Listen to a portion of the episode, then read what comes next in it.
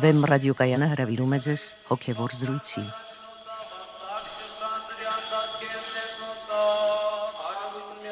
Սիրելի ունկնդիրներ, Վեմ ռադիոկայանի եթերում են արժանապատիվ Տեր Մեսրոպ Քահանա Արամյանը եւ Արա Սարգսակ Նալչաջյանը։ Այսօրվա մեր զրույցի թեման է Աստծուց հեռանալու եւ Աստծուն մոտենալու մասին։ Օրհնեցեք Տեր հայր։ Աստված օրհնի։ Տեր հայր, Կիրակի օրը ապաշխարության շաբաթների ոսկե շղթայի այն օրն է, որը կոչվում է անառակ որդու անառակի Կիրակի, եւ այդ օրը եկեղեցիներում ընթերցվում է անառակ որդու առակը որի բովանդակությունը մարդու մեղանչելով Աստծոց հեռանալու եւ ապա ապաշխարությամբ դարձյալ Աստծո կողմից ընդունվելու մասին է։ Եվ այսօր փորձենք parzabanել թե ինչպես է կատարվում այդ գործընթացը։ Ինչպես է մարդը մեղքի պատճառով հեռանում Աստծոց եւ ապա դարձյալ ընդունվում Աստծո կողմից, եթե ապաշխարում է։ Խնդրեմ ուրեմն բացատրեիք մեղքի մեխանիզմը ինչպիսին է։ Ինչպես է մարդը մեղք գործում։ Մեղքի մեխանիզմը բացատրելու համար շատ կարևոր է ուղղակի հստակ ունենալ այն պատկերը մեր մտքում, որ մեղքը, բուն մեղքը հենց այն է, ինչ որ որ մեզ բաժանում է Աստծուց։ Այսինքն ունենալով իր կոնկրետ դրսևորումները, ինքը մեղքը հանդիսանում է պատնեշը Աստուծո եւ մարդու մեջ գտնվող Այլ կերպ ասած, մեղքի մեջ է հենց դրված բաժանության սկզբունքը, պարակտման սկզբունքը, որովհետև ամեն ինչ Աստծո կողմից արարվել է մեկ միասնական միության մեջ, ամբողջականության մեջ, միասնական մի գեղեցկության եւ վեհության մեջ, խաղաղության մեջ, ճշմարտության մեջ։ Եվ ահա մեղքով հենց Աստծո բարի արարչության մեջ ներմուծվեց խաթարման, պարակտման, աղավաղման այդ համընդհանուր սկզբունքը այսինքն այդ աստվածային վեհությունը եւ գեղեցկությունը սկսեցին մեղքի պատճառով զանազան շեղումներ, զանազան ոչ ճիշտ դրսևորումներ ցույց տալ։ Եվ Եթե մենք փորձենք ամփոփելու լինենք մեղքով, այսինքն աստվածային բարի արարչության, աստվածային սիրով արարված արարչության մեջ մտավ բաժանման եւ պարակտման համընդհանուր այդ սկզբունքը աղավաղումը։ Դուք նկատի ունեք Ադամի եւ Եվայի մեղսանկումը։ Այո, այսինքն դա պարզապես Ադամին ու Եվային տրված մի ընտրություն չէր, այլ համայն մարդկությանը տրված մի ընտրություն էր մեր նախահայրերի միջոցով, դրանով աշխարհ մուտք գործեց այդ բաժանման սկզբունքը, որը արտահայտվեց մահվամբ, նախ հոգևոր մահվամբ, իսկ հոգևոր մահը ոչ այլ ինչ է, եթե Աստծուց կտրվելը, նորից բաժանման այդ սկզբունքն է, եւ նաեւ Աստծո արարված անապական արարչության մեջ թափանցեցին ապականության եւ քայքայման այդ համընդհանուր սկզբունքները եւ դա ամեն ինչում է արդեն դիտելի ոչ միայն բուն ֆիզիկական քայքայման մեջ այլ նաեւ հոգեվոր զանազան ոլորտներում եւ ընդհանրապես Եթե մեղքը այդպիսի ահավոր հետևանքներ է ունենում Տերեր, եւ մենք էլ գիտենք այդ մասին, ապա ինչպես է պատահում, որ դարձյալ այդուհանդերձ մեղանչում ենք մեղքի մեջ դրված են զանազան կեղծիքներ, դրված են պատրանքներ։ Չարը չի կարող հենց այնպես խაფել մարդկանց, այլ չարը խափում է մարդկանց զանազան ճշմարտության պատրանքներով, քանի որ մարդու հոգին միշտ ձգտում է դեպի աստվածային ճշմարտությունը, դեպի աստվածային գեղեցկությունը, դեպի աստվածային խաղաղությունը եւ այլն։ Դրա համար էլ չարը մեզ տալիս է գեղեցկության պատրանքներ, ճշմարտության պատրանքներ, այսինքն կեղծ գաղափարներ է տալիս։ Կեղծ խաղաղություն է մեզ խոստանում կամ դրա պատրանքներ է մեզ հрамցնում եւ հոգին խաֆելով գնում է, որտեղ հոգին փնտրում է, բայց քանի որ չունի բավականաչափ հոգևոր տեսողություն,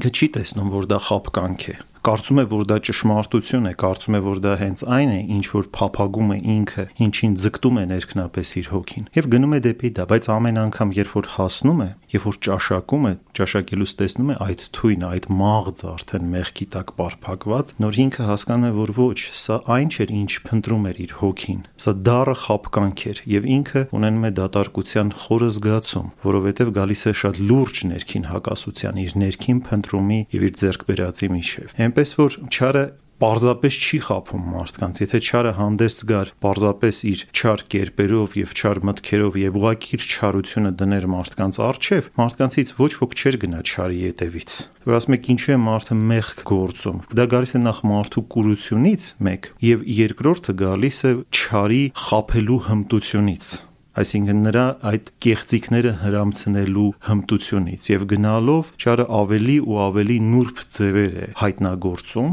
գտնում եւ դրանք հрамցնում է մարդկանց։ Դարից դար նաեւ փոխվում են գայթակղությունները եւ ճարի այդ խափելու մեթոդները որովհետեւ արդեն եթե մարդիկ բացահայտում են, որ այս ճանապարհը սխալ է, այսինքն արդեն ֆիքսված է, որ հայտնի կերպով սրանք ուրեմն սխալ բաներ են, ինքը այլ բաներ է դնում առաջ, այլ բաներ եւ կամած կամած նրբացնում է այդ խապկանքները եւ նորանոր ուղիներ է փնտրում սողոսկելու մարդու հոգի։ Դերեր, եթե առաջին մարդկանց մեղսանկումով մեղքը արդեն իսկ մուտք գործեց աշխարհ եւ խաթարեց մարդկային բնությունը, մարդու հոգու, մարմնի ներդաշնակությունը եւ բնականon գործունեությունը, ապա այլևս ինչ նշանակություն ունի մեզ հետագա դարերից մարդկանց համար, մենք մեղք գործենք թե ոչ, միևնույն է արդեն խաթարված է։ Այդպես չէ, որովհետև Աստված անմիջապես մարդուն նաև ցույց տվեց վերականգնման ճանապարհը, բժշկության ճանապարհը եւ այս անարակ որդու մասին առակը հենց դա է ցույց տալիս, որ Աստված փաստորեն մշտապես սիրող հայր է Այսինքն եթե այդ պատկերը անառակ որդու եւ հոր պատկերը վերցնենք, թեպետ եւ անառակ որդին հեռացավ հորից, բայց Աստված, այսինքն հայրը երբեք չդադարեց իր որդուն սիրելուց։ Ընթակառակը միշտ նրա աչքը ճանապարհին էր, թե երբ մի օր իր որդին պետք է դարձի գա, բայց հայրը որևէ միջամտություն այդ process-ի վրա չէր կատարում։ Ինքը վստահ էր, որ իր որդու մեջ կա բավականաչափ գիտակցում, որը մի օր պետք է արթնանա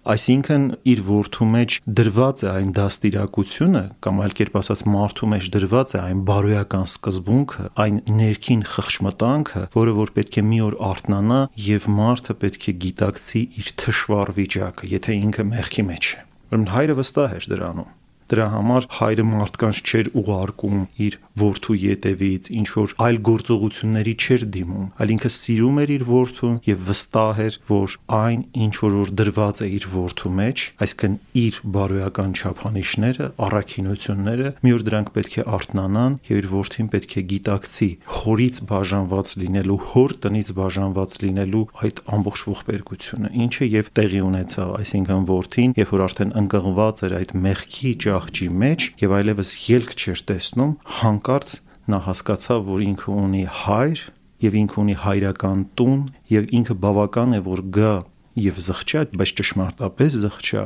հայրը իրեն կընդունի։ Տեր ասում ենք, որ մեղքը հեռացնում է մարդուն Աստծոց, սակայն արդյոք ցանկացած մեղք գործեցիր եւ հեռացար Աստծոց, այսպեսին է մեխանիզմը, թե պետք է որոշակի քանակությամբ մեղք մեղքի յետևից գործես, որպիսի հասնես այդ մեղքի ճահճին, ինչպես ասացիք։ Ընդհանրապես յուրաքանչյուր մեղք ինքը ունիվերսալ է այն առումով, որ իր մեջ դրված է այդ համընդհանուր խաթարման այդ սկզբունքը։ Այսինքն յուրաքանչյուր մեղք լինի մեծ թե փոքր, մահացու վտանգ է իր մեջ պարունակում։ Թեպետ եւ կան մահացու մեղքեր, բայց մեղքը ինքնին արդեն յուրաքանչյուր մեղքը դա մահ է, որտեղ մեղքը դա պարակտում եւ բաժանում է Աստծուց։ Եվ առաքյալն է ուսուցանում, որ մեղքի արդյունքը դա մահ է։ Ուրեմն հետեւաբար մենք չմոտենանք մեղքերին, որ սրանք թեթև մեղքեր են, փոքր մեղքեր են կամ մեղքերի ինչ որ որոշակի քանակություն է պետք, որ մենք վերջնականապես մեռնենք։ Մենք կարող ենք մեռնել յուրաքանչյուր մեղքից։ Գիտեք, ասենք կարող են լինել աննշան միջատներ, որոնց խայթոցը ոչ մի բան չի նշանակում, բայց այնպիսի թույն պարունակվի այդ խայթոցի մեջ, որ մենք մեռնենք։ Կամ մեր օրգանիզմը այնքան թույլ լինի, կորցրած լինի իր իմունային համակարգը, որ մի փոքրիկ, ասենք, վնասից մարդը մահանա։ Երբեմն մարդը մահանում է քերծվածքից, վարակ է ստանում եւ մահանում է։ Այնպես որ չմտածենք, որ սա քերծվածք է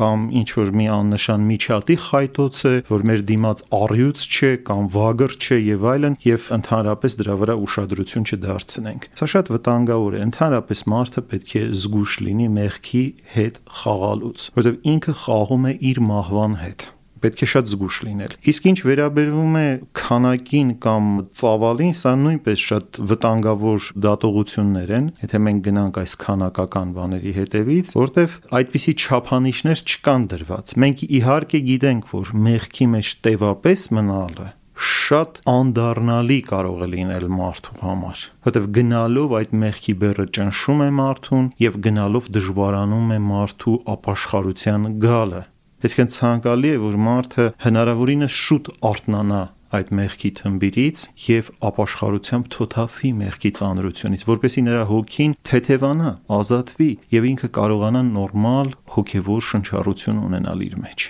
ինչպես է տեղի ունենում մեղքի թմբիրից այդ սթափեցումը կամ արթնացումը։ Այստեղ գործում են զանազան մեխանիզմներ։ Իհարկե, սա համաձայն եկեղեցու հայրերի նախ լինում է Աստծո շնորհի ներգործությամբ այսինքն այդ շնորհը ներազդում է կամ այլ կերպ ասած Աստված անընդհատ բախում է մեր սիրտը եթե շատ քարացած ենք մենք դա չենք զգում բայց եթե մենք մի քիչ ճիքեր ենք թափում հոգևոր եւ աշխատում ենք այդ ուղությամբ մենք ավելի զգայուն ենք դառնում Աստծո կանչի նկատմամբ մեր հոգին դառնում է ավելի զգայուն եւ երբ որ Աստված բախում է մեր սրտի դռները մենք զգում ենք որ սա Տերն է բախում եւ բացում ենք մեր սրտի դռները սա նշանակում է որ մարդը պետք է անպայման ճիք ու ջանք թափի որպեսի իր հոգին անզգայության վիճակից բերի դեպի զգայական վիճակ, որպեսի այդ նուրբ հոգևոր իրողությունները ինքը սկսի տեսնել եւ հասկանալ։ Սա անպայման տեղի է ունենում աղոթքով։ Եվ ոչ թե պարզապես երբեմն երբեմն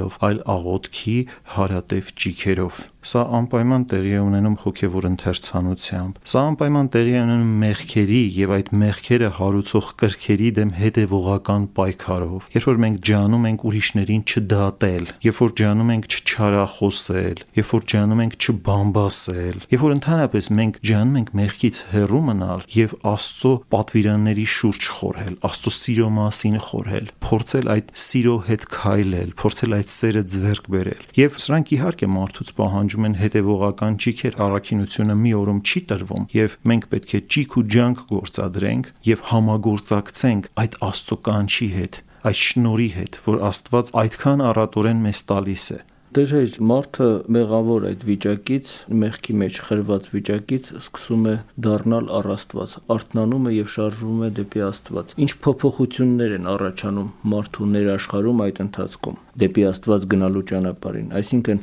մարդու հոգին, մարմինը, մտածողությունը, խոսքերը կամ վարքագիծը ինչպեսի փոփոխություններ են կրում։ Աներևակայելի փոփոխություններ է կրում մարդը եւ ով սա մի անգամ իսկապես ներքնապես ճաշակում է այդ ճշմարտապես առաստված գնալու բերկրանքը Աստծո հետ լինելու բերկրանքը ինքը այլևս չի կարող որևէ աշխարհիկ բարիքով գեղեցկությամբ կամ չգիտեմ ինչով գոհանալ, որովհետև դա դառնում է ճշմարիտ մեկնակետ իր կյանքի համար։ Այդ փոփոխությունները բազմազան են, դա նախ եւ առաջ ներքին լուրջ ազատագրման պահ է, այսինքն մարդը առաջի անգամ ճաշակում է ճշմարիտ հոգևոր ազատագրման բերկրանքը։ Դա ներքին լուսավորություն է։ Մարդու մտքերն են լուսավորվում, մարդը սկսում է տեսնել այլ իրողություններ եւ այլ չափումներ, որը ինքը ոչ այդ չէր տեսնում ուղղակի փակ էին նրա համար, բացվում է մարդու հոգևոր տեսողությունը եւ մարդը սկսում է այլ չափանիշներով տեսնել աշխարհը։ Նույնիսկ այն նյութական աշխարհը, որ թվում էր թե նա տեսնում է, ինքը լրիվ այլ կերպ է տեսնում լրիվ այլ բաներ է տեսնում, որտեվ նրա հայացքը ուրիշ տեղ էր հակված, ուրիշ բաներ էր նա փորձում տեսնել, բայց հիմա տեսնում է ճշմարտությունը։ Այսինքն շատ կարևոր է, երբ որ մենք նայում ենք ինչ որ իրերի վրա, երբ որ նայում ենք ինչ որ իրողությունների վրա, մենք ճշմարիտ խորհուրդներ կարողանանք ստանալ, ճշմարիտ խորհուրդով նայել այդ ամենի վրա։ Այդ ժամանակ ամեն մի բանը, որ այս աշխարհում կա, ամեն մի միջատը, ամեն մի թուփը, ամեն մի ծառը, բնության ամեն մի կտորը կդառնա ճշմարիտ ուսուցիչ մեզ համար եւ ճշմարիտ խորհրդատու մեզ համար, առավել եւս մարդիկ։ Մենք սովորենք ճշմարտապես նայել մարդկանց վրա եւ ճշմարիտ դասեր քաղել խաղալ մեր հոգու համար։ Մարդը ձեռք է բերում անկերևակայելի խաղաղություն, երբ որ մարդը միավորվում է Աստծո հետ։ Այսինքն առաջի անգամ մարդու հոգում դադարում է այս աշխարհի աղմուկը, սոսկալի աղմուկը, որը չէր թողում, որպեսի մարդը խաղաղվի եւ ներդաշնակության գա։ Եվ այլ շատ բաներ է ստանում մարդը, որը հնարավոր չէ բարերով նկարագրել, որտեղ մենք փորձում ենք բարերով նկարագրել այն, ինչ որ սուրբերը ապրել են եւ մասամբ ներկայացրել են մեզ։ Եկեղեցու հայրերը ասում են, որ այս ամենին հաղորդ կարելի է լինել միայն սեփական փորձառությամբ եւ սեփական ապրումով։ Եվ հստակորեն հավաստիացնում են, որ սա այնպիսի մի համեղ կերակ կերակուր է, որ մարդը մի անգամ այս կերակուրից ճաշակելով անընդհատ ուզենալու է միայն այդ կերակուրով սնվել։ Սուրբ Հակոբոս Առաքյալը ինքը ապրած լինելով այդ ամենը դարձ դեպի Աստված։ Նաև նկարագրում է մեզ, թե ինչպես մենք վարվենք, որպեսի կարողանանք Աստծուն մոտենալ։ Ասում է. հնազանդվեցեք ուրեմն Աստծուն եւ դիմադրեցեք սատանային, ու նա կփախչի ձեզանից։ Մոտեցեք Աստծուն եւ նա կմերձենա ձեզ։ Այսինքն ինչ ասել է դիմադրել սատանային եւ նա կփախչի մեզանից, մոտենալ Աստծուն եւ նա կմոտենա մեզ արդեն լավագույն ճանապարհը առաքյալը նկարագրում է նախ հնազանդվեցեք Աստծուն, որտեղ ամեն բան մեր մեջ կատարվում է նախ եւ առաջ Աստծո արչեւ խոնարհվելով։ Խոնարհությունն է մայրը բոլոր առաքինությունների։ Եվ եթե ուզում եք իմանալ, եթե այսօրվա մեր քարոզի թեման ապաշխարությունն է, դարձն է, եթե մենք խոսում ենք ապաշխարության մասին, ապաշխարությունը հենց խոնարհություն է խոնարհության հենց առաջին նշանն է, որովհետև մենք, եթե ճշմարտապես ենք ապաշխարում, մենք մեզ անվերապահորեն հանձնում ենք Աստծուն։ Այսինքն հրաժարվում ենք այն ամենից, ինչ որ այս աշխարհինն է, որը մեր մեջ գրգռում էր մեր կեղծ եսը, եւ ասում ենք Տեր, դու ես բոլոր բարիքների աղբյուրը, եւ մենք կամենում ենք քո բարիքները ունենալ եւ կատարելապես հնազանդվում ենք քո արչեւ, կատարելապես խոնարհվում ենք քո սիրո արչեւ, որը խոնարհության ճանապարհով մեզ բացեցիր եւ դու տուր մեզ ճշմարիտ գիտելիքը եւ դու տար մեզ ճշմարտության ճանապարհով, ուրեմն համար առաջի դասը հոգեվոր կյանքի կատարելապես եւ անվերապահորեն ամեն բան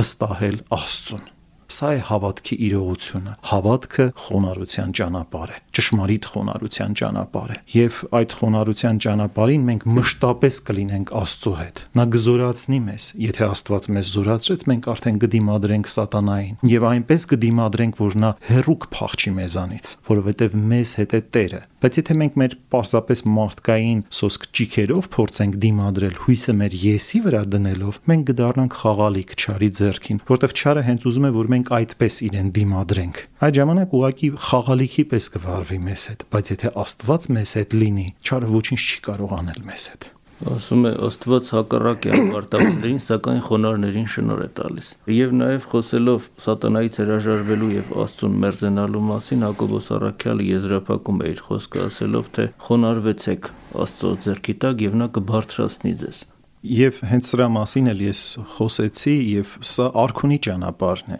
Այսինքն հոգեվոր կյանքի մեծագույն ճշմարտությունն է եւ սրանով է նախ Աստծո սերը բացվել մեզ խոնարհության ճանապարհով, այսինքն Աստծո որդու խոնարհման միջոցով։ Եվ Աստված ասում է, որ ես եմ ճանապարհը։ Բայց երբ որ Տերը ասում է ես եմ ճանապարհը, մենք պետք է հասկանանք ինչ է ուզում Տերը ասել ես եմ ճանապարհ, այսինքն ինչ օրինակ Տերը մեզ ցույց տվեց։ Տերը ցույց տվեց աներևակայելի անհասանելի խոնարհության ճանապարհ է։ Եվ եթե մենք այդ կերպն ենք ընդունում, իսկապես խոնարհություն ենք ունենում, հակնում ենք այդ խոնարհության կերպարանքը, ապա միայն այդ դեպքում մենք քայլում ենք այն ճանապարհով, որ Քրիստոս բացեց մեզ համար։ Եվ սա անհնարին է պատկերացնել առանց խորը զղջումի, առանց խորը մարդու էությունը ցնցող զղջումի։ Մարդը պետք է վերջնականապես, կտրականապես դարձի գա մեղքի չար իրողությունից ձեռք բերի մեղքի գիտակցություն, որի մասին շատ հաճախ խոսում են եկեղեցու հայրերը, մեղքի գիտակցություն։ Երբ որ հանապազ մարդը գիտակցում է իր մեղավոր էությունը եւ իր մեղավոր գոյությունը, հանապազ գիտակցում է Աստծուց բաժանված լինելու ողբերգությունը։ Ասում եք Երանի սքավորներին։ Սքավորը հենց այն մարդն է, աշխարհիկ սուքի մասին չի, հոգևոր սուքի մասին է ասում են եւ նրանք կմխիթարվեն եւ եկեղեցու հայրերը նույնիսկ այս սուքը անվանում են ուրախարար սուք այսինքն շատ հետաքրքիր է սուք եւ ուրախություն ուրեմն parzum է այդ սուքի մեջ կա մեծագույն ուրախություն եւ բերկրանք որտեվ դա է ճշմարիտ ճանապարհը երբ որ սքում ենք մեր մեղքերի համար ցավում ենք մեր մեղքերի համար եւ դրա միջոցով մեզ համար բացվում է հոգևոր կյանքի ճշմարիտ հոգևոր կյանքի ուրախությունը եւ բերկրանքը դրա համար այդ սուքը ուրախարար է Եվ ամփոփելով կարող ենք ասել, որ առանց մեղքի գիտակցության հնարավոր չէ պատկերացնել քրիստոնեությունը։ Սա է ուսուցանում մեզ Սուրբ Գրիգոր Նարեկացին իր աղոթամատյանում, սա են ուսուցանում մեզ եկեղեցու բոլոր հայրերը, որ հոգևոր կյանքի հիմքը քո մեղավոր էության ճանաչումն է եւ զղջալն է դրա համար եւ ամեն բան անվերապահորեն Աստծուն հանձնելը։ Շնորհակալություն Տեր հայր թույլ տվեք սրանով եզրափակել մեր այսօրվա զրույցը Աստծոց հեռանալու եւ Աստծուն մոտենալու մասին։ Օրհնեցեք Տեր հայր։ Աստված օրհնի։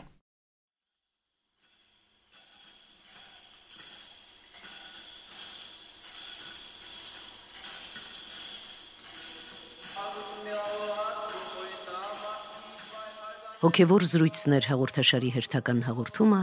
վարեց Արաս Սարգսակ Նալչաջյանը։